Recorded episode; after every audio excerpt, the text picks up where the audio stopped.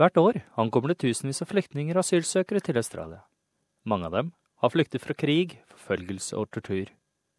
Å sørge for at de har tilgang til helsetjenester, inkludert psykisk helse, er en viktig del av deres nye liv i Australia. Men det australske helsevesenet kan by på nye utfordringer for dem. Å gi tidlig støtte til flyktninger og asylsøkere gjør integrasjonen mye enklere. Australias Humanitarian Settlement Services gir praktisk støtte til de som har ankommet landet på humanitært grunnlag i inntil et år etter at de har ankommet. Tjenesteytere som Settlement Services International i New South Wales leverer tjenestene på vegne av den australske regjeringen. Leder for Humanitarian Settlement Services hos Settlement Services International er Yamama Aga. Hun sier at flere helsetjenester er tilgjengelig for flyktninger. When they arrive, we refer them to Refugee Health Services for a comprehensive health assessment. After the health assessment, they are referred uh, for pathology and they are linked uh, to a, a, general practitioner. And if they need, they also um, link to um, daughter and trauma services, to um, children clinics if they have children, and also to the dental hospital uh, for any dental uh, issues. If they need to be referred to specialists, they also link to specialists. Når det gjelder psykisk helse, er mange asylsøkere påvirket av traumer de opplevde i hjemlandet sitt. Men Samantha Ratnam, klienttjenestesjef hos Footscray Asylum Seeker Research Center, sier at det de opplever i den første tiden i Australia, også kan være stressende.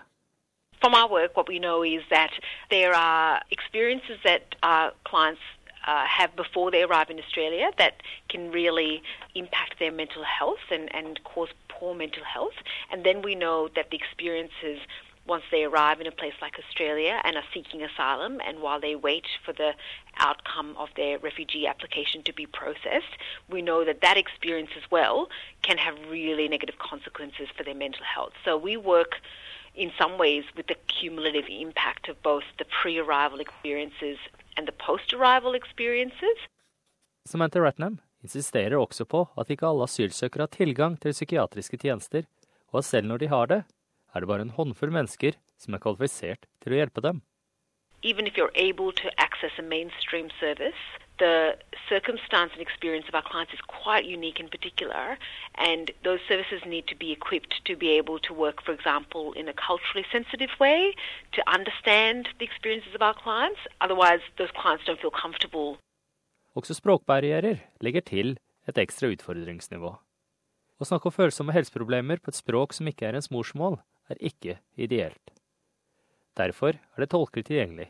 Men Yamama Aga sier at det er ikke alltid lett å få dem til spesialistavtaler.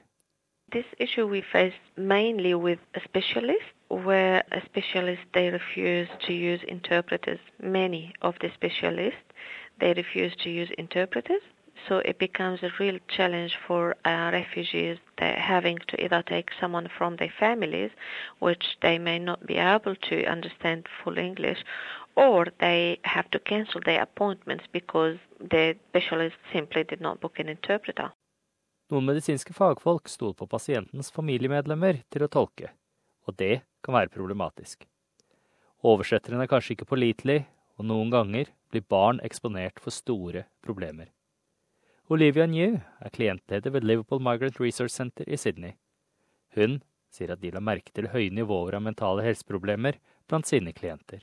We've noticed a lot of incontinence among children from Syrian families, and we think that might be linked in with the impact of trauma as well. And um, we think also maybe because it's it's a much more recent conflict, and and there's that adjustment process from having lived a fairly stable, calm, peaceful, normal life, and and then having to deal with very traumatic and high conflict situations, uh, and being exposed to that um, is, is having a major impact on mental health. Til tross for at psykiske problemer er vanlige, sier Olivia New at det fortsatt er et stigma rundt dem. It can be viewed as someone being crazy, and um, it can be a real barrier for people to seek support for mental health issues. A lot of people have reported that they've been socially isolated or ostracized from the community because of poor mental health.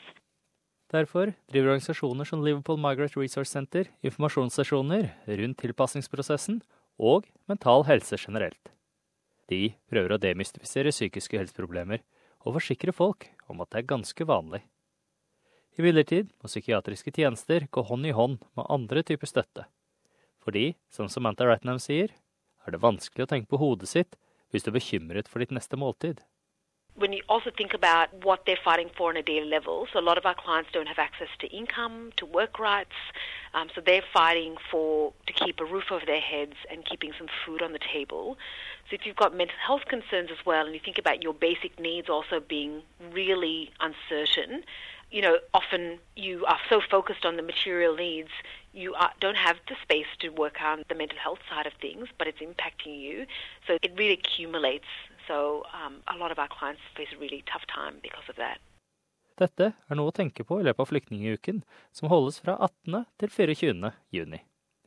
Australiere oppfordres til å feire flyktningenes mot og erkjenne ferdighetene og energien flyktningene bringer til landet. For mer informasjon, besøk dss.org.au eller refugeeweek.org.au. Denne saken var laget av Audrey Bourget og Ildiko Dauda på SBS norsk. Jeg er Frank Mathisen.